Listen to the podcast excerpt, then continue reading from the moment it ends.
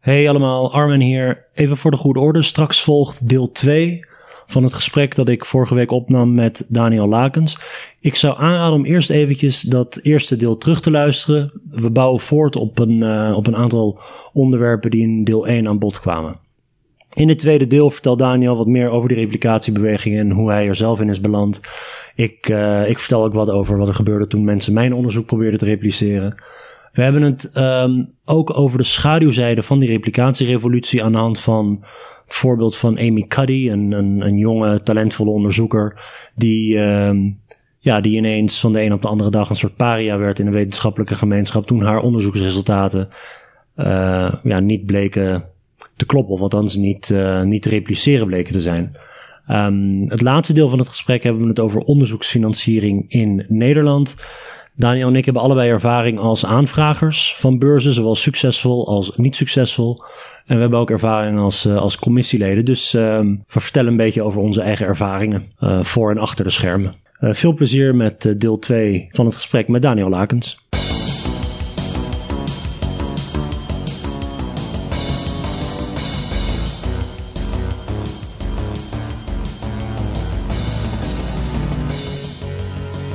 En, en hoe ben jij in die hele beweging terechtgekomen?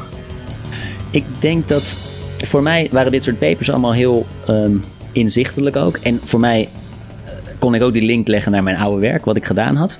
Uh, een van de dingen die voor mij uh, belangrijk was om hiermee bezig te zijn, is dat ik meedeed met het Reproducibility Project in Psychology. Dat is begin 2012 is dat gestart. Uh, er waren dus heel veel studies van nou, of theoretische argumenten van nou, we doen dingen fout, hè, zoals dat paper van, van Simmons wat je aanhaalt. Um, maar we wisten eigenlijk niet hoe erg het was in de praktijk. Van nou, goed, dit soort dingen gebeuren waarschijnlijk wel, maar hoe vaak gebeuren ze en wat zijn de gevolgen ervan? Want misschien dat alles wat in de literatuur staat nog steeds heel betrouwbaar is. Mm, ja.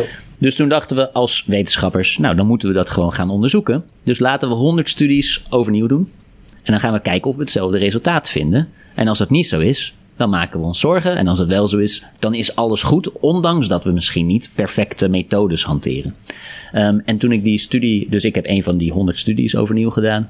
En uh, ja, toen waren we als team een beetje aan het nadenken van hoe doen we dat nou? Hoe moeten we nou een hele goede studie ontwikkelen? Ja. Waarin we dat. En toen dacht ik, nou, ik ben inmiddels gepromoveerd en ik werk al een jaar als postdoc, maar ik weet helemaal niet goed hoe ik een hele goede studie moet, moet ontwikkelen. Hoe moet ik nou mijn steekproefgrootte bepalen? En toen heb ik nog met de originele auteur gemaild. En ik zei: Ja, ik moet een soort effectgrootte hebben van jouw studie. Dan weet ik dat ik een statistische power-analyse kan doen. Hè? Ja. En dat is de kans dat ik een significant resultaat vind, gegeven die effectgrootte. En toen zei die persoon: Ja, ik weet ook niet precies hoe ik dat moet berekenen. Nu heb ik mezelf wat getraind. Nu weet ik gewoon dat ik van de getallen die in zijn paper stonden, had ik dat gewoon kunnen uitrekenen. Maar toen ja, hadden we het nog nooit gedaan. Ja. Wat, wat heel vreemd is. En dat vond ik toen ook zo vreemd dat ik dacht: Nou, dit is zo vreemd. Hoe, hoe kan ik dit nou niet weten? Ja. nou, dan, dan ga ik maar even wat minder onderzoek doen en wat meer leren over hoe ik onderzoek moet doen. Ja, het is gek. Het is een van de meest fundamentele vragen als je onderzoek begint te doen. Hoeveel mensen, op hoeveel mensen moet ik dat onderzoek uh, Precies, uh, ja. loslaten? Maar wij gebruikten gewoon een soort vuistregels die nergens op gebaseerd waren, maar wederom heel sterk in die normen. Zo, ja. nou, dit doen we, want dit doen we. Ja. En dat bleek hartstikke fout te zijn. En dat bleken we ook al 50 jaar hartstikke fout te doen. Ja. Ja. Nou ja, dat, dat uh, uh, repro, uh, Reproducibility Project heet ja, het. Dat, ja, dat, had een, dat had een betere naam moeten krijgen. Dat, dat ik zou kunnen uitspreken. Nee, je hebt op een gegeven moment dus dat, dat die honderd experimenten die je hebt uitgevoerd met een heel team van, ja, van collega's. Ja, ik niet, maar inderdaad, dat zijn 260 auteurs. Dat is nou echt die grote wetenschap waar we het eerder over hadden, ja. dat heeft toen ook nogal een plons veroorzaakt. verscheen in 2015 in Science onder de Open Science Collaboration. Zo, zo, heette, zo heette die, uh, uh, ja, dat leger aan, aan mensen dat eraan heeft meegewerkt. Ja. 100 studies werden gerepliceerd. Van de oorspronkelijke studies was, uh, had 97% een significant effect. Ja. En in de replicatie was dat nog maar 37%. Dus met andere woorden, hoe het, hoe het in de uh, kranten verscheen en, en ook op Twitter uh, voorbij kwam, en mm-hmm. is uh, oh, meer dan de helft van deze studies in de psychologie ja. is niet reproduceerbaar. Mm-hmm. Of de resultaten zijn niet te repliceren. Bij replicatie krijg je niet hetzelfde als in het oorspronkelijke ja, ja. artikel. En ik denk dat een, voor mij een van de moeilijkste vragen is: wat is nou precies een succesvolle replicatie? Dus hoe, ga, hoe ga je te werk om iets te repliceren. En het feit dat er iets anders uitkomt uit de originele studie en de replicatie hoeft nog niet te betekenen dat de oorspronkelijke studie Nee. niet juist is uitgevoerd. Of hoeveel replicaties moet je überhaupt uitvoeren voordat je kunt zeggen: oké, de replica het, het, het gewicht aan bewijs in de replicatiezijde is, is sterker dan aan, aan de oorspronkelijke zijde. Dus Ja, het zijn Ehm, hele goede vragen. hoe, hoe, Het zijn hele goede vragen waarvan je zou denken, misschien hadden we dat honderd jaar geleden ook al ergens kunnen bedenken van hoe doen we dit nou? Hè? Ja. Dus nu hebben we voor het eerst worden geconfronteerd met de mogelijkheid, want ja, er is ook weer van alles aan te merken op die honderd studies die we gedaan hebben. Dat hebben we niet perfect gedaan. Daar zitten ook wel wat studies in waar we niet helemaal precies dezelfde methode meer konden gebruiken, omdat het tien jaar later was of Ja. zo. Ehm, waarbij eh, de manier waarop we de studie hebben opgezet, waarvan je kan zeggen, nou, was dat nou wel de beste keuze? Misschien wel niet. Dus dat getal zelf is een soort schatting, maar dat zegt niet dat dit het nou was. Hè? Dus we weten ook niet precies hoeveel. We weten dat het waarschijnlijk niet zo makkelijk in ieder geval is om alles maar te repliceren. Nee. Want we hebben wel ons best gedaan, dus het is niet heel makkelijk. Ehm, maar nu heb je inderdaad de discussie. Maar wat moeten we dan doen? Wanneer is iets betrouwbaar genoeg? Wat is een succesvolle replicatie? Is dat, is dat significantie? Is dat een effectgrootte die een beetje in de buurt zit? Ehm, we weten dat mensen, hè, want dit was allemaal psychologie, we weten dat mensen een vrije wil hebben. Dus die veranderen nog wel eens hun mening over iets. En dat is best. En dan vinden we dus niet meer hetzelfde als een paar jaar geleden. Dat hoort allemaal te kunnen gebeuren. Maar hoe gaan we daarmee om? En nou, dat is een hele belangrijke vraag. Want dat is eigenlijk de vraag: hoe weten we nou wanneer we betrouwbare kennis hebben in een vakgebied? En het blijkt dat daar gewoon heel erg over gepraat moest worden. En nog steeds. Eh, binnen bepaalde disciplines zitten mensen nu nog te denken, ja, in de klinische psychologie, wat bedoelen we daar eigenlijk mee? Wat betekent dat voor ons?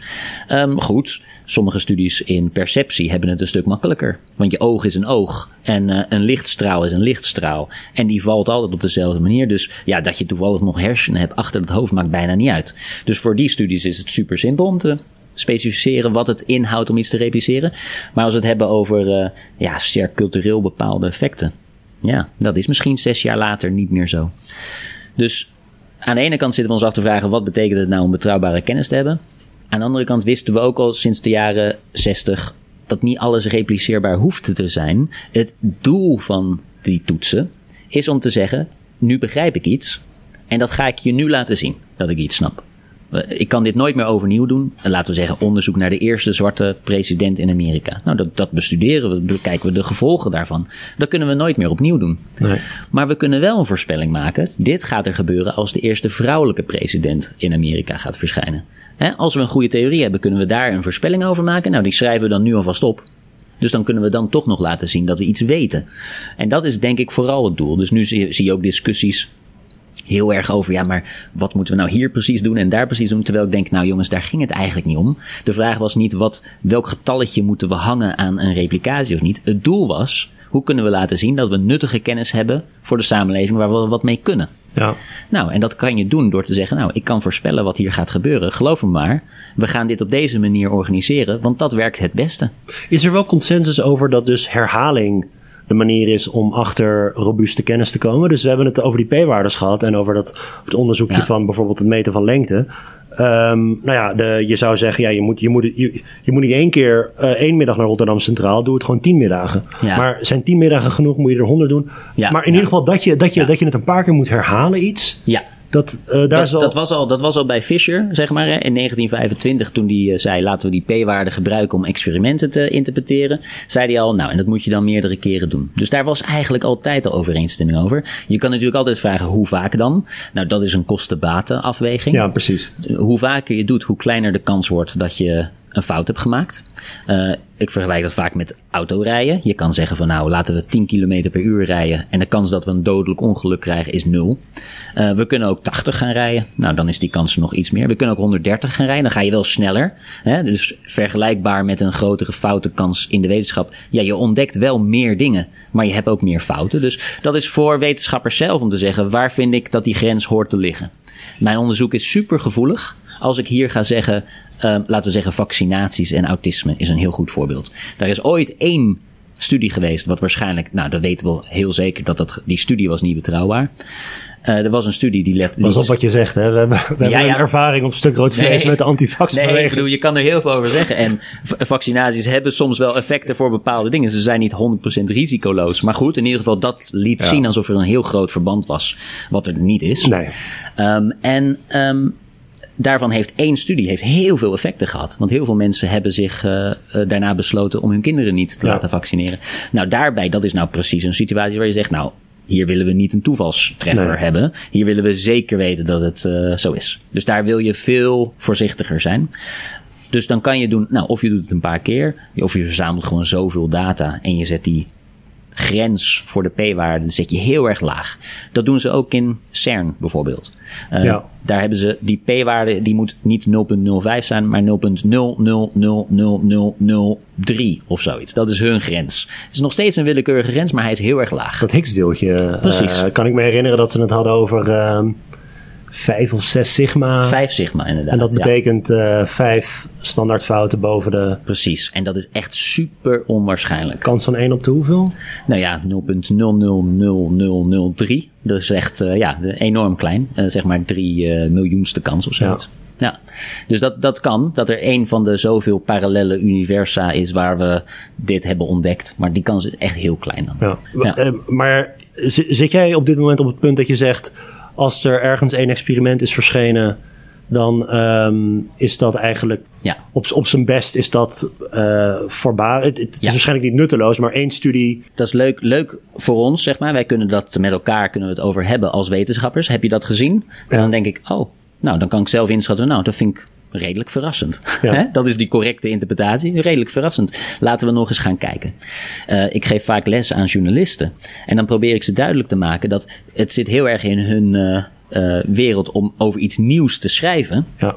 Maar dat is helemaal nog niet het moment om naar het publiek een bericht naar buiten te doen om te zeggen: hé, hey, we hebben dit ontdekt. Dat zit wel in de, in de pers, ook in de universiteiten. Die hebben ook een soort PR-systeem waar ze zeggen: hé, hey, dit is een nieuwe ontdekking. Ja, het is afschuwelijk. Maar op basis van één studie ja. niet. Er worden ook papers gepubliceerd waar iemand het gewoon zes keer laat zien. Hè? Dus dan is er wel één nieuw paper. Ja, dus is dat, is dat niet ja. een, is dat niet een, uh, Tuurlijk, als dat een oplossing ervoor? Dat Zeker. je zegt van om in deze tijdschriften gepubliceerd te raken, ga je dat experiment niet één, maar, uh, ja. maar, maar meerdere keren uitvoeren. En dan nemen we het uh, serieuzer. Precies. Maar dat was het probleem, dat deden we al. Want daarom had die, die precognitiestudie ja, okay. had er negen. Ja. Dus wat we nu snappen is, nou, we moeten het uh, een paar keer op exact dezelfde manier doen. Als dat kan. Want in die negen studies was het elke keer anders. Dan werkte het weer voor deze plaatjes, ja. dan werkte het weer voor die mensen. Maar we moeten het een paar keer op dezelfde manier laten zien bij voorkeur dat we al van tevoren zeggen, zo gaan we het doen. Ja, precies. Dat je van tevoren de hypothese bepaalt, zodat ja. je niet achteraf kunt zeggen van ik heb hier nog een interessant uh, Dat je gewoon gevonden. weet van nou die kans was inderdaad, dit was inderdaad verrassend. Hè? Je hebt iets laten zien, dat is indrukwekkend. Je hebt een voorspelling gemaakt, die werkt. En nog een keer, en nog een keer. Ja. Nou dan, dan vind ik dat wel iets. Ja, ik heb zelf niet zo heel veel ervaring met uh, experimenten doen. Ik, uh, mijn, mijn onderzoek gaat me, is meestal ja. enquêteonderzoek. Mhm. Um, ja. en, maar maar dat, ik, ik, ik heb zelf een paar keer meegemaakt dat mensen mijn onderzoek repliceerden. Ja. Of wilden repliceren. Mm. En um, één, keer, uh, één keer wat ik voor mijn proefschrift heb gedaan, toen op een gegeven moment mailde een een, uh, een vrij vooraanstaande politicoloog. Die mailde mij van mag ik de data hebben van je proefschrift? Hmm. Want ik wil hier iets mee. Niet van ik vertrouw niet wat je hebt gedaan, maar ik wil hier verder mee. Ja. En ik heb toen met uh, knikkende knieën heb ik alles Ja. opgestuurd. Ja. Van ehm, uh, hopelijk, hopelijk komt er hetzelfde uit. Hij heeft toen met een iets andere manier, iets andere methode, heeft hij inhoudelijk wel hetzelfde gevonden. En hij heeft er le leuke dingen mee gedaan. Ik heb een andere keer heb ik meegemaakt dat we een, uh, een artikel hadden met Katrien de Vries en um, Bram Lancé. Dat ging over de betekenis van links-rechts, waarin we lieten zien van nou, in de jaren 70, 80 was het zo dat mensen zichzelf links of rechts vonden op basis van economische houdingen. Mm -hmm. Dus als je, als je voor inkomensnivellering bent, dan identificeer je met links en, uh, en, en um, vice versa met rechts. Maar dat gaandeweg in de jaren 80, uh, 90 en 0 die correlatie zwakker is geworden en dat culturele houdingen nu bepalen of je, ja. of je links, uh, Uh, of je jezelf als links of rechts uh, identificeert. Nou, allemaal heel, heel eenvoudig. En we wisten niet, we, we, hadden, we hadden alleen maar een paar speculaties van, van waarom dat het geval zou kunnen zijn. Ja. Het patroon was er, de mechanismes erachter, dat was onduidelijk. Wij speculeerden toen heel erg van ja, dit, dit heeft ook deels te maken met hoe politieke entrepreneurs de politieke ruimte van boven uh, beïnvloeden. Iemand als Bolkestein komt in de jaren negentig op en die zegt iets over de culturele, over, over de multiculturele samenleving. Uh, later Fortuyn en Wilders. En het, het is vooral top-down. Ja. En toen heeft een collega van mij, Roderick Rekker, die heeft dat gerepliceerd. Uh, ten eerste. waar die, waar die het ook iets uitbreidde en, en ik denk achteraf gezien wat beter deed. Hij vond dezelfde patronen, maar hij, hij liet dus zien van het grootste gedeelte van het effect, Mhm. een heel groot gedeelte van het effect dat die betekenis van links-rechts is opgeschoven, is omdat oude generaties in het electoraat Ja. zijn vervangen door nieuwe generaties. En die nieuwe generaties die zijn opgegroeid post-Fortuin, waar links-rechts heel erg cultureel werd, werd ingekaderd. De mensen in de jaren 60, 70 uh, identificeerden zich nog met links-rechts op basis van dingen als uh, burgerbeweging, vrijheden, uh, Ja. religieus seculier en zo. Maar dat er, dus een, dat er dus een vervanging van het electoraat bezig was, waardoor die betekenis van links-rechts verschoof en dat dat Ja. waarschijnlijk niet zoveel te maken heeft met. eh, nou, ik vond dat geweldig. Ik, aan de ene kant was ik opgelucht van, nou, Mhm. mijn resultaten bleven overeind. Maar aan de mechanismes, uh, daar hadden we waarschijnlijk ongelijk. En daar zijn we verbeterd op Ja. deze, deze manier. En, en, en de derde, mijn derde ervaring met replicaties is. eh, Ik heb op een gegeven moment een, uh, een artikel geschreven over politiek vertrouwen met, met Quinten Main.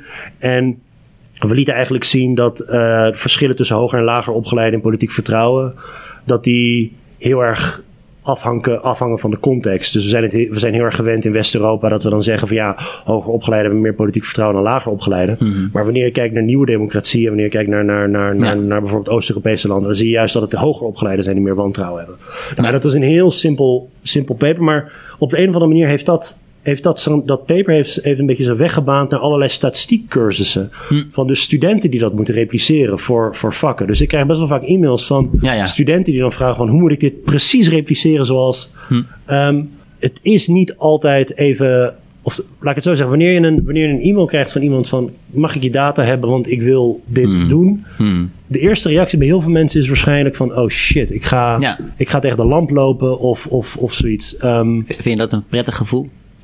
Inmiddels heb ik dat niet meer. Inmiddels, in- Nee, nee, wat ik nee, inmiddels heb is, hey, wat leuk dat iemand mijn onderzoek heeft opgepikt en er Ja. iets mee is gaan doen. Ik vind het veel erger als mensen onderzoek dat ik publiceer negeren. Ja, ja. dus tegenwoordig heb ik meer van, ehm, eh, kom maar op. Ten eerste omdat ik sta achter wat ik heb gedaan, maar ook van, ehm, eh, dit is gewoon de manier waarop we vooruit gaan Ja, eh, ja. Als, als wetenschap. Maar hoe, wat zijn jouw ervaringen als je bijvoorbeeld mensen, Mhm. als je mensen vraagt van, ik wil, ik wil bijvoorbeeld je onderzoek repliceren, ik wil dit, dit opnieuw Ja. doen. Hoe, hoe Dus- reageren mensen? Maar, maar je bedoelt vooral eigenlijk dat mensen jouw originele data opnieuw analyseren, hè, met andere... Ja, het ding, wat, het ding met mij, het ding met, met mijn onderzoek is natuurlijk, ik verzamel die data niet zelf. Ik nee, heb, precies. Ik, eh, het zou ook heel dom van mij zijn om bijvoorbeeld de European Social Survey te nemen, een van de meest gebruikte surveys ter wereld, en dan relaties te gaan verzinnen. Ik bedoel, maar. Nee, precies. Nee, ik denk dat, zeg maar, dus er zijn verschillende manieren van je zorgen maken. De eerste is, als iemand het nou gewoon netjes nadoet, klopt het dan. Ja. En ik denk dat daar, wat ik zelf de laatste jaren heb geleerd, dat het gewoon heel fijn is dat nu de technische middelen er zijn om op een hele reproduceerbare manier te werken. Dus eh, idealiter, als wij nu werken, hebben wij gewoon een soort databestand en jij kan gewoon op een knop drukken. Ja. En alles gaat, gaat zijn ding doen en daar komen de getallen uit zoals wij die gerapporteerd hebben. Ja. Dus ik hoef me. Maar vroeger moest ik me daar nog zorgen om maken. Dan had ik gewoon die data ergens en dacht ik, nou, ik hoop maar dat als jij dezelfde knopjes indrukt, dat ik inderdaad de goede getalletjes heb opgeschreven.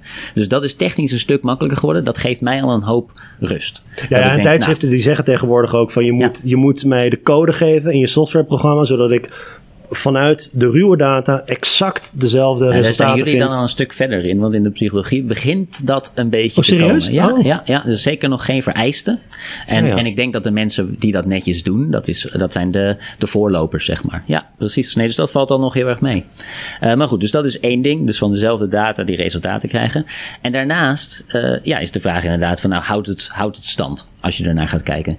Ehm, en dat is inderdaad heel spannend. Om meerdere redenen. Omdat je heel erg sterk persoonlijk geïdentificeerd bent met je eigen data. Ja. Hè, wat al vreemd is. Dus ik, een van de dingen waarvan ik geprobeerd heb om de afgelopen jaren mezelf een beetje te trainen, is afstand nemen van die persoonlijke Ja. Band. En dat is natuurlijk makkelijker, want we hebben nu meer studies, we hebben meer dingen gedaan. Dus dat ver, maar, maar toen ik een student was, de eerste keer dat ik ergens langskwam, had ik een studie in 2011 of zo. Um, en ik werd ergens uitgenodigd. Mensen zeiden: Kom maar lekker praten en gezellig. Die waren hartstikke vriendelijk tijdens het praatje. Daarna zeiden ze: Nou, we gaan even een kopje koffie drinken. En toen tijdens de koffie zeiden ze: Nou, we hebben dus geprobeerd je studie te repliceren. En toen echt, mijn hart ging helemaal zo: boem, boem, boem. Oh, oh jee, wat hebben jullie gevonden? En um, ja, dat gevoel, dat is heel logisch, maar dat is eigenlijk vreemd. Ja. Dus we moeten proberen om iets objectiever daarover te zijn. En inderdaad, iets neutraler gewoon erin te staan. Um, volgens mij zijn daarom die samenwerkingen heel prettig. Omdat je dan gewoon denkt, ja, dit is wat we allemaal hebben gedaan. Wat maakt het uit? Dus die persoonlijke band, ja, het is wel goed als die iets minder is. En daarnaast hebben we dus heel vaak wel dat we kunnen zeggen, nou hier gebeurde wat. Er was, was een soort verrassend patroon. Maar die veel interessantere vraag, die is wat jij beschrijft daarna, van maar waarom nou precies? Wat is de verklaring ervoor?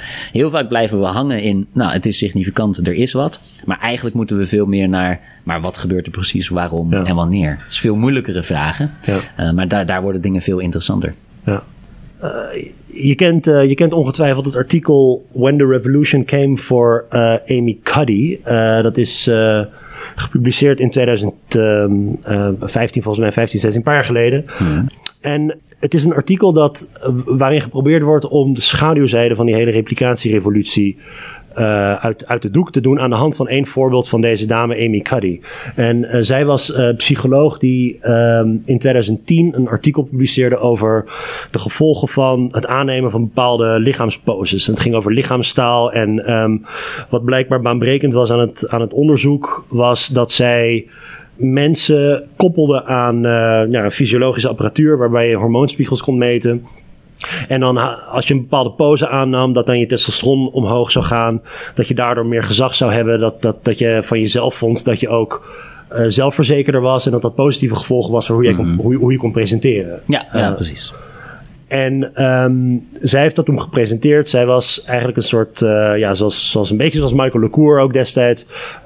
iemand die met, met, met ogenschijnlijk baanbrekend onderzoek, mediageniek onderzoek, heel veel aandacht kreeg. En uh, eigenlijk een, uh, aan de start van een heel veelbelovende carrière uh, stond. Hmm. En zij kwam op een gegeven moment kwam zij in aanraking met die replicatiebeweging. Zij is ook iemand die die direct nadat het artikel verscheen op allerlei manieren publiciteit zocht. Dat moet ook gezegd worden. Dit, hmm. Ze heeft een TED-praatje, wat uh, een van de meest bekeken TED-praatjes ooit is. Dat is denk ik één. En, en daarna 43 miljoen keer. Oké, ja, dat is een hoop. Bekeken. Ja, ja. Op, op één na meest bekeken TED-praatjes heeft. Ze is veel uitgenodigd spreker bij allerlei van die uh, bedrijfsdagen en, en grote hmm. zalen met duizenden mensen, waarin zij aan mensen tips gaf van hoe, je, hoe je je moest, hoe je je moest uh, gedragen. Ja. Uh, en op een gegeven moment kwam zij in aanvaring met een aantal van die grondleggers van die replicatiebeweging, zoals het in dat artikel wordt beschreven. Mm -hmm. En um, binnen no time was zij, werd zij uh, een soort poster girl van um, slecht onderzoek. Hmm. Terwijl zij een paar jaar daarvoor nog gevierd was als een nieuw aanstormend talent. Ja. Was na een paar jaar uh, was er niets meer over van die reputatie en heeft ze uiteindelijk de wetenschap verlaten. Uh, en um, ja, ik, ik, ik, wil even iets voorlezen uit het artikel en dan, en dan misschien je reactie erop. Hmm. Since 2011, a methodological reform movement has been rattling the field, raising the possibility that vast amounts of research, even entire subfields, might be unreliable. Up and coming social uh, psychologists, armed with new statistical sophistication, picked up the cause of replications, openly questioning the work uh, their colleagues conducted under a now outdated set of assumptions. The culture in the field, once cordial and collaborative, became openly combative as scientists adjusted to new norms of public critique while still struggling uh, to adjust to new standards of evidence. En er wordt op een gegeven moment ook uit de doeken gedaan dat zij veel meer dan, dan een normale wetenschappelijke uh, kritiek, dat zij uh, het slachtoffer werd van allerlei online, online harassment, dat, dat natuurlijk de geslacht erbij werd gehaald. Ik bedoel, er is een enorme dosis seksisme in merk je dat er. eh, in dat artikel wordt trouwens ook eh, het, het, het congres beschreven. waarin Simonson en eh, Simmons Hmm. hun, hun idee voor die P-curve Hmm. presenteerden. En, dat, dat, een, en dat, dat, dat er een soort revolte was in die zaal ook. Hmm. Beroemde psychologen die openlijk hun onderbraken met een verhaal. En dat er echt een soort kampen ontstonden. Ehm, Ja.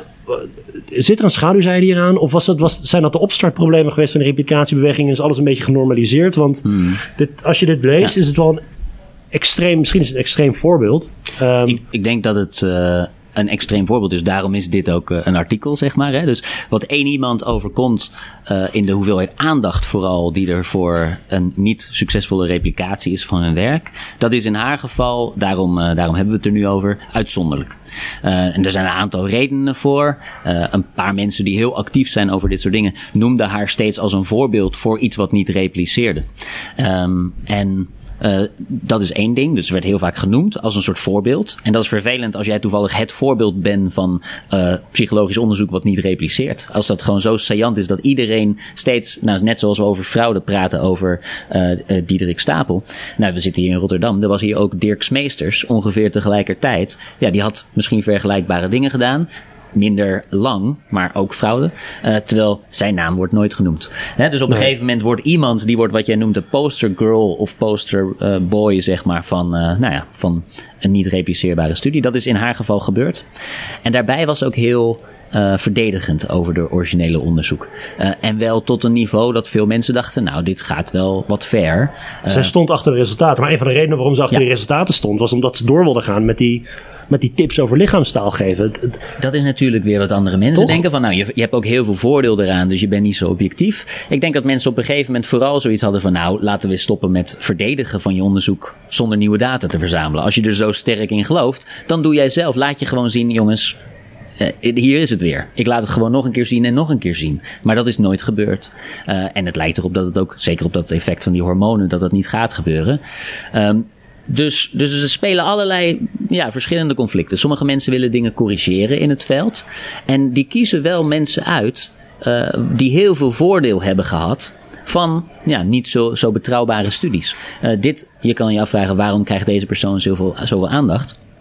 Ik denk dat op, omdat sommige mensen denken, als, als eh, er 40 miljoen mensen naar jouw video hebben gekeken, dan is er misschien enige verantwoordelijkheid vanuit de wetenschappelijke eh, gemeenschap om dat te corrigeren. Ja. Dat heeft een hoop impact gehad. En als iemand anders een studie heeft gepubliceerd in hetzelfde tijdschrift, in hetzelfde jaar, en die is twee keer geciteerd, ja, dan krijgt die persoon geen aandacht. Dus ja, dus dat gebeurt er. En dat is zwaar.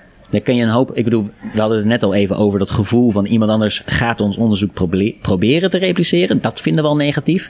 Dan kan je je voorstellen als de hele, het hele vakgebied weet wie je bent en dat je studie niet repliceerbaar is. Dat moet er enorm inhakken voor zo iemand. Dat kan niet anders.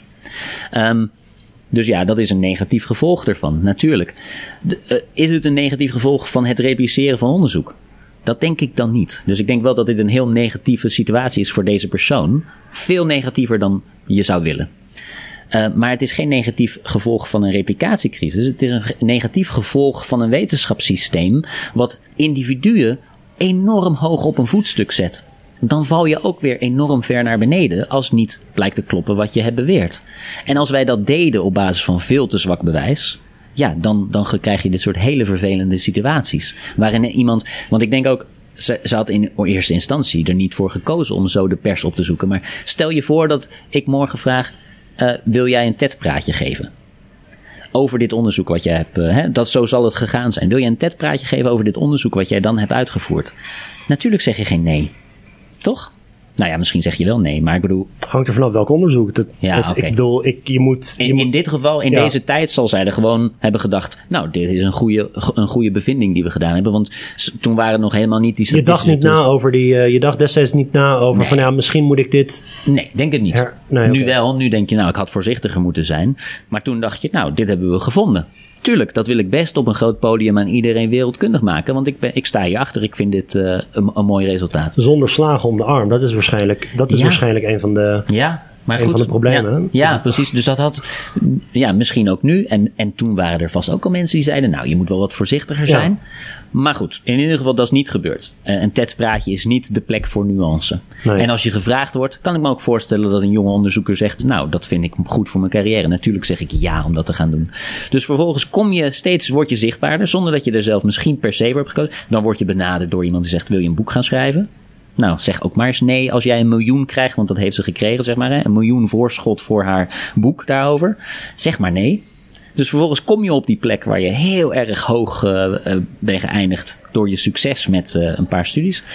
Ja, en dan blijkt dat het allemaal niet waar is. Dan val je ook weer enorm naar beneden. Dat is een e- heel naar manier van werken. Ja. Dus mensen die lijden ook heel erg. We hebben een systeem wat drijft op prestige. En ik zie geen andere manier, eh, als we dat systeem hebben, dat er ook mensen zijn die heel diep vallen. Door, doordat ze de prestige weer kwijtraken. Dat is ook een van de redenen dat ik het fijner vind om in grote groepen samen te werken. Niemand weet precies wie alle mensen waren binnen eh, dat Reproducibility Project, wat we met Je bent wat 260 mensen eh, Precies. Ja. Ja. en de kritiek erop, ja, dat, dat, er is ook wel terechte kritiek op die studies. Nou, dat eh, ja, trek ik mij niet heel erg zwaar aan. En ik heb Nee. er zeker geen negatieve gevolgen van.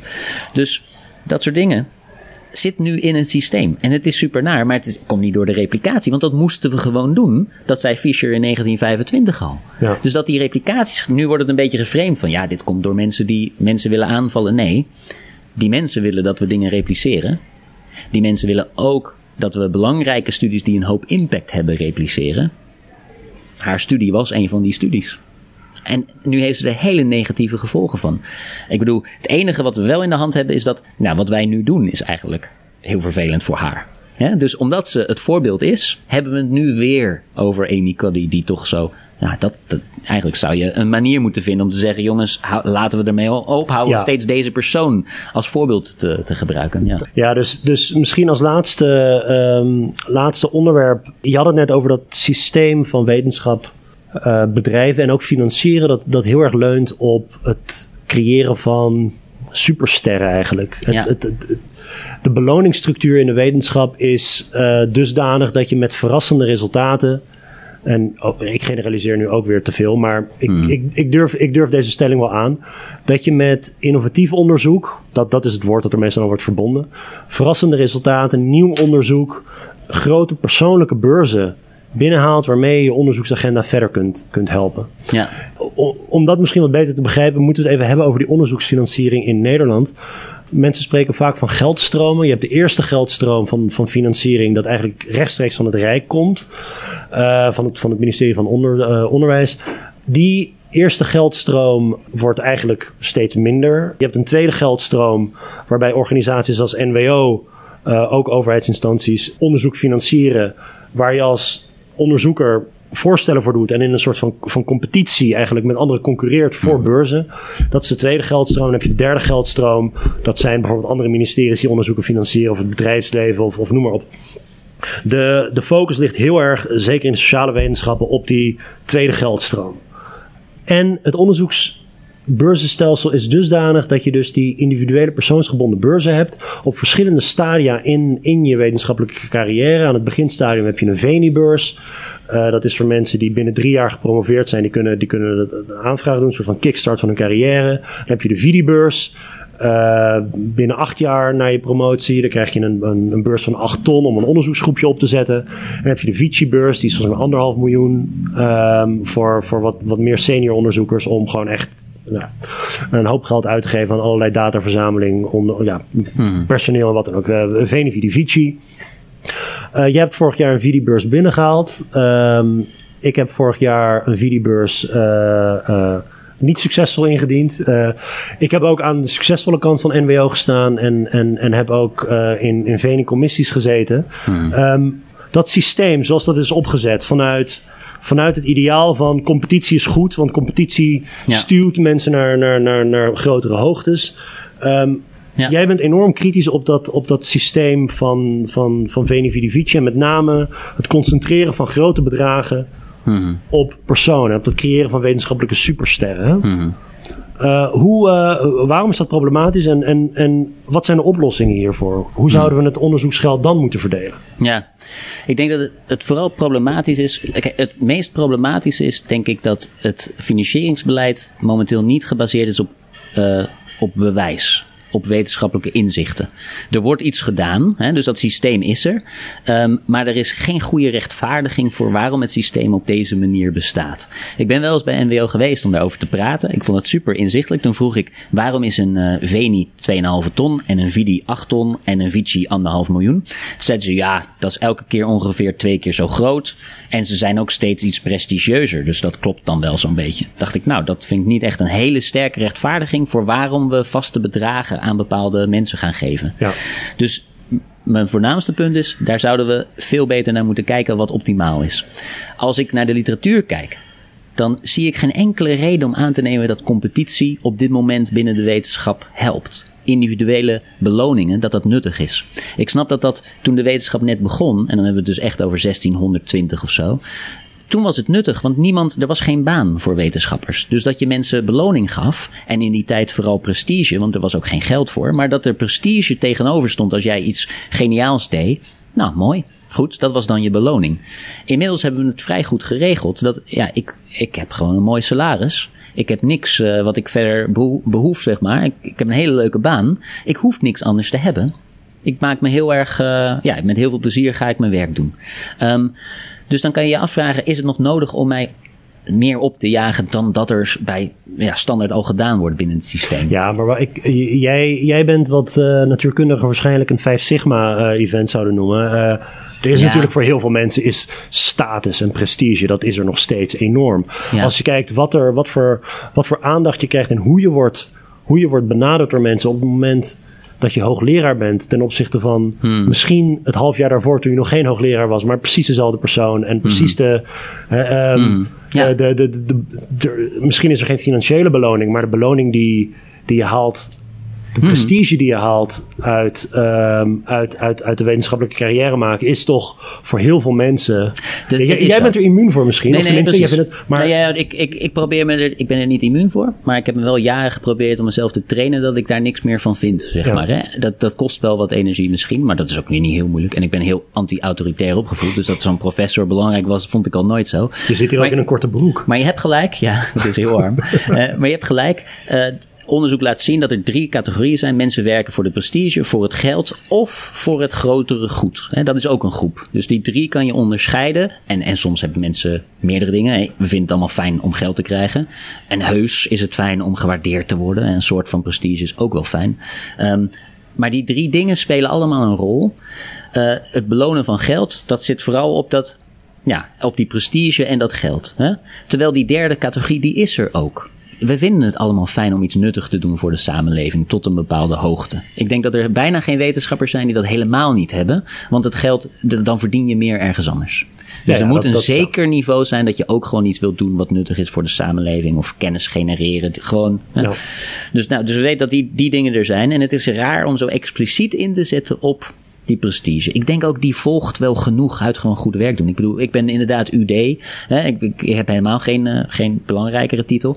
Maar ik voel, me, ik voel me helemaal niet ondergewaardeerd. Absoluut niet. Ik heb niks, ook daar uh, niks te klagen, zeg maar. Dus um, ja, dus het is interessant om zo heel erg in te zetten op die individuen, op die prestige, op die ene manier van belonen binnen ja, wat een veel groter facet van mogelijkheden is. En, en, en wat zegt dan de wetenschappelijke literatuur over die financiering, over hoe je bijvoorbeeld het geld het beste zou kunnen verdelen? Hmm. Dus die, ja, ja. die, Vidi, die Vidi-beurs is inderdaad 8 ton. Ja, uh, we weten dat dat waarschijnlijk, en het hangt een beetje van je gebied af, want kijk, als jij een heel groot machine moet kopen of jouw dataverzameling is al super duur, dan heb je een hoop geld nodig. Maar wij zitten wat meer in de socialere kant. Hè?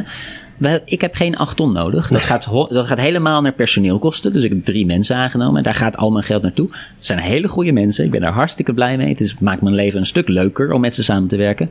Maar je kan je afvragen of die derde persoon die ik heb aangenomen. Of ik die had moeten aannemen. Of, of dat jij één iemand had moeten aannemen. Ja. En dan laat onderzoek zien dat, niet verrassend, het waarschijnlijk efficiënter is als jij je beste ideeën gaat doen met die ene persoon.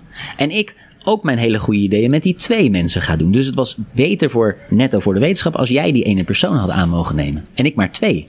Nou, en daar, daar kan ik me als. Hè, ik heb die video gekregen, maar ik snap dat. Ja. Ik ben het daar gewoon mee eens. Het was beter geweest als jij wat van mijn geld had gekregen.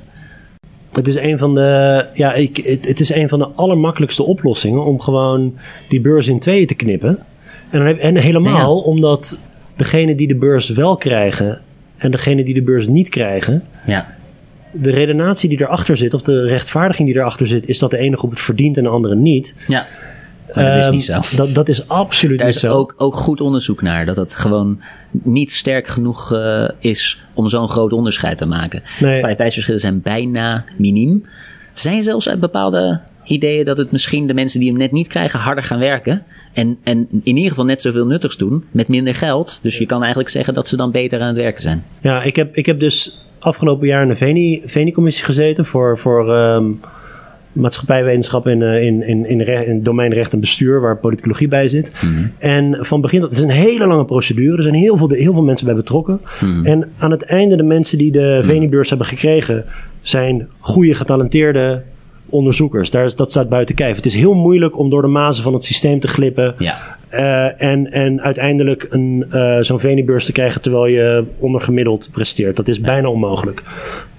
Dat is niet het probleem. Het probleem is dat er eh, een veelvoud van de mensen die hem gekregen hebben, hem niet krijgen. Ja. Die hem even goed hadden kunnen krijgen. Ja. Dat, dat is het grote probleem. En, en Ja. gegeven dat er zo'n enorme schaarste is, is het zo vreemd dat die beurzen niet gewoon door tweeën worden gehakt. Dus dat is één manier. Ik bedoel, en ik herken het. Ik zit bij, eh, in Vlaanderen bij de FWO in zo'n commissie. En dan aan het einde is er gewoon de grote Excel-sorteeractie. Waar gewoon op een kolom ges- gesorteerd wordt.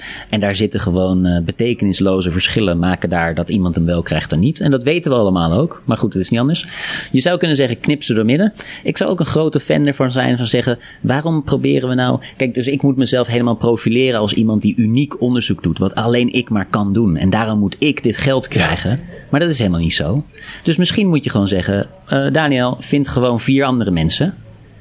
Die ook al in de wetenschap werken en iets doen wat jij zegt. Hey, we gaan samen gaan we gewoon iets doen. En geef ons vieren dan gewoon eh, een bepaald bedrag. Dan werken wij lekker samen met elkaar. Goed, eh, mijn gekke idee wat ik wilde doen, dat kan ik misschien niet doen. En dat is misschien ook wel goed. Omdat mijn drie collega's dan zeggen, nou Daniel, dat was een beetje een gek idee. En nu ga ik het lekker wel doen. Hè? Ja. Want niemand houdt me tegen nu. Misschien is het wel goed als ik een beetje gestuurd zou worden.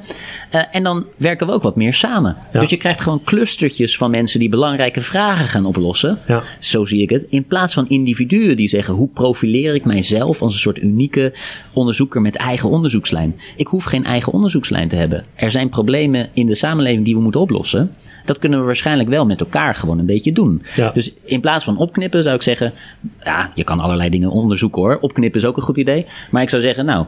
Probeer eens dat mensen gewoon met z'n vieren of vijven gaan zeggen: wat willen wij nou eigenlijk bereiken? En als ze dat lukt, dat is al heel knap, want wetenschappers zijn heel, heel individueel. Als vijf mensen zeggen: wij zijn het er gewoon over eens. Geef die mensen dan, dan lekker Ja. zo'n zo'n pot geld. Ja, je zou natuurlijk, volgens mij is een van de ontwikkelingen die nu, eh, die nu in gang is gezet, is dus dat je, eh, als ik een idee heb, eh, als ik nu een idee heb, zijn er niet zo heel veel beurzen die ik zou kunnen aanvragen. En de meeste beurzen die ik zou kunnen aanvragen zijn meteen van die gigantische Ja. beurzen waarvoor je Ja. eh, allerlei subprojecten en zo. Waarom niet gewoon eens een subprojectje waar ik misschien niet Ja. 8 ton voor nodig heb, maar 20.000 euro? Ik heb gewoon 20.000 euro nodig omdat ik een enquête wil uitvoeren met een leuk, met een leuk, met een leuk idee. het is een fantastisch voorbeeld. Dus oké, om heel specifiek te zijn, waarom gebeurt dit niet? Want dit was ook, ik zat dus bij NWO, heb ik ook over dit soort dingen gepraat. Waarom gebeurt dit niet? NWO is er om het geld te verdelen. En de overhead van NWO is zo groot, zij gaan geen beurzen van 20.000 euro doen. Dan is de overhead, die is zo ongelooflijk in vergelijking daarmee. Dus waarom zijn de beurzen zo groot? Nou, zodat de overhead een beetje in verhouding is met wat ze aan het uitdelen zijn. Dat is al vreemd natuurlijk. En ik vertelde ze ook, 20.000 euro, als jij dat zegt, ik wil graag 20.000 euro voor een studie. Volgens mij denken zij dat daar niks voor gedaan kan worden. Dus ik was daar, toen zei ik, want NWO die financiert nu replicatiestudies. Dat is hartstikke netjes van ze. Ik kwam daar Op jouw aanraden. op, op mijn aanraden. Eh, eh, en andere mensen waren Ja. het ermee eens. Maar goed, ik ben er geweest voor een gesprek. Dat heeft het goed gestart. En mijn, mijn inzet was... besteed 0,01% van je budget aan replicatiestudies. En ik dacht, nou, dat is zo laag dat je, je kan geen nee zeggen daartegen. Want dan ben je echt, hè, dat moet heel raar zijn. En ik zei toen, geef mensen 3000 euro Ja. Om een studie overnieuw te doen. Nu zijn die beurzen 75.000 en 150.000. Waarom geen 3000? Omdat NWO kan er gewoon niet bij dat, dat wij daar wat mee zouden kunnen. Dus, dus ik denk dat daar inderdaad eens goed over gesproken moet worden. Wat hebben wij individueel? Hoeveel efficiënter word, er, word ik? Of wat voor tofs kan ik doen met een klein potje geld? En hoe kan NWO dan toch op een veel makkelijkere manier dat soort bedragen uitdelen? Ja. Want ik denk dat met 20.000 euro snap ik dat jij iets heel tofs gaat doen. Dat snap ik. Dat, tuurlijk. Ja, ik heb, het is ook eh, wat, wat, wat, wat ingebakken is in dat hele NWO-systeem is ook dat je. Het is niet alleen maar dat je mensen kunt aannemen en dat je bijvoorbeeld Mhm. data kunt verzamelen of een apparaat kunt kopen. Ja. Het is ook dat je jezelf uit het onderwijs kunt uitkopen. Precies. en dat, ja. is, dat is een van de. Dat, dat is volgens mij een van de meest nadelige. Eh, het, het, het creëert, ten eerste creëert het een systeem waarin mensen onderwijs als een last zien. Ja, Terwijl dat het belangrijkste is wat wij doen. ja. Het heeft veel meer impact dan wat wij onderzoeken. Is, is dat wij Mhm. generaties aan studenten eh, opleiden. Eh, dat is een kerntaak van, eh, van, van zeker van publieke universiteiten. En het feit dat dan onderwijs wordt gezien als last, Mhm. waar als je goed je best doet, jezelf uit kunt kopen om Ja. onderzoek te doen. Ja. En op basis van het onderzoek maak je promotie.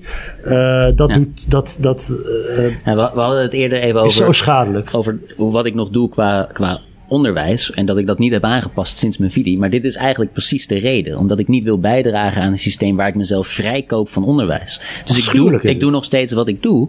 eh, omdat ik precies met je eens ben, zeg maar. Dat we dat niet moeten doen. Tegelijkertijd is iets minder onderwijs wel een hele efficiënte manier voor iemand een- om een paper te schrijven. Ja, ja, ja. Dus, dus tijd. Geef mensen geld voor een studentassistent Ja. of wat dan ook. Nakijkwerk bijvoorbeeld. Kom op jongens, dat kan iemand anders ook wel een beetje doen. Of ergens anders mee helpen. Eh, en dan hebben wij meer tijd om, om een paper te schrijven. En dan is heel weinig geld, is een hoop extra vrije tijd voor iemand hoor. Heel snel. Ja. Nee, wel- je, kunt, je, je kunt het op allerlei heel flexibele manieren inzetten. Dus, Precies. dus wat, wat, eh, die, zo'n, je kunt jezelf voor vijf jaar kun je jezelf bijna volledig uit het onderwijs kopen. Hmm. Daar gaat misschien de helft van dat videobudget dat ik had ingeruimd, ging er naar uit om mezelf Hmm. Ja. voor een bepaald bedrag uit te kopen uit het onderwijs. Maar ik, ik zou ook prima tevreden zijn als ik gewoon hetzelfde onderwijs zou geven als nu. Wat, wat voltijd drie dagen in de week is. Ik heb eh, Hmm. eh, zonder, zonder enige uitkoop is mijn, mijn contract. En, en op onze afdeling, en zijn bij sociale wetenschappen UvA breed, is dat je 60% eh, onderwijs geeft, 40% onderzoek. In de praktijk is dat natuurlijk 70% Mhm. onderwijs en derde, misschien nog wel meer. Want die, want, Mhm. want, maar goed, maar dat, ehm, ik, zou, ik zou het prima vinden om gewoon dit onderwijs, ja, die zware onderwijstaken nog steeds uit te voeren. Ik vind het ook leuk om te doen. Maar dat ik wel bijvoorbeeld 20.000 euro heb om een, een leuk survey-experiment ergens Ja. te doen. En dan, ik, hoef niet, ik hoef niet uitgekocht te worden uit het onderwijs. Nee, ja. Maar dat ik gewoon, Ja. ik heb een ideetje en ik wil het uitvoeren. Ja. Eh, en dat soort, maar het, het lijkt erop dat NWO wel een, een nieuw financieringsinstrument heeft gecreëerd, gecreëerd om zoiets te gaan doen. Ik weet niet hoe het. Nee, ik denk dat het heel nuttig zou Ehm, kunnen zijn. En voor mijn gevoel moet NWO gewoon iets vaker in gesprek gaan met mensen die gewoon het werk doen. Eh, en dan ook over alle disciplines. Want laten we wel zijn, in de medische wetenschap, als jij zegt geef me 20.000 euro, dan ga ik iets leuks doen. Daar denkt iedereen, dat slaat nergens op. Nee. Want dat kan gewoon niet. Maar bij ons kan dat wel. Ja, en joh. dat moet NWO ergens snappen van, oké, dus discipline specifiek zijn er verschillende mogelijkheden om wetenschap zo efficiënt mogelijk dingen Ja, te maken. misschien is in een ander vakgebied is het inderdaad niet zozeer dat je 20.000 euro wil voor, ehm, voor, een, eh, voor, een, voor, voor, een, voor een survey ergens. Mhm. Maar je hebt gewoon even een half jaar tijd nodig om te schrijven. Precies, ja. Ja, laat, ik bedoel, En, en in een ander gebied bied is dan het gewoon maatwerk. Ja, precies. In een ander gebied is het wel een miljoen om een bepaald apparaat te kunnen kopen en dan iets te gaan doen. Of Ja. wat dan ook, zeg maar. Ja, ja.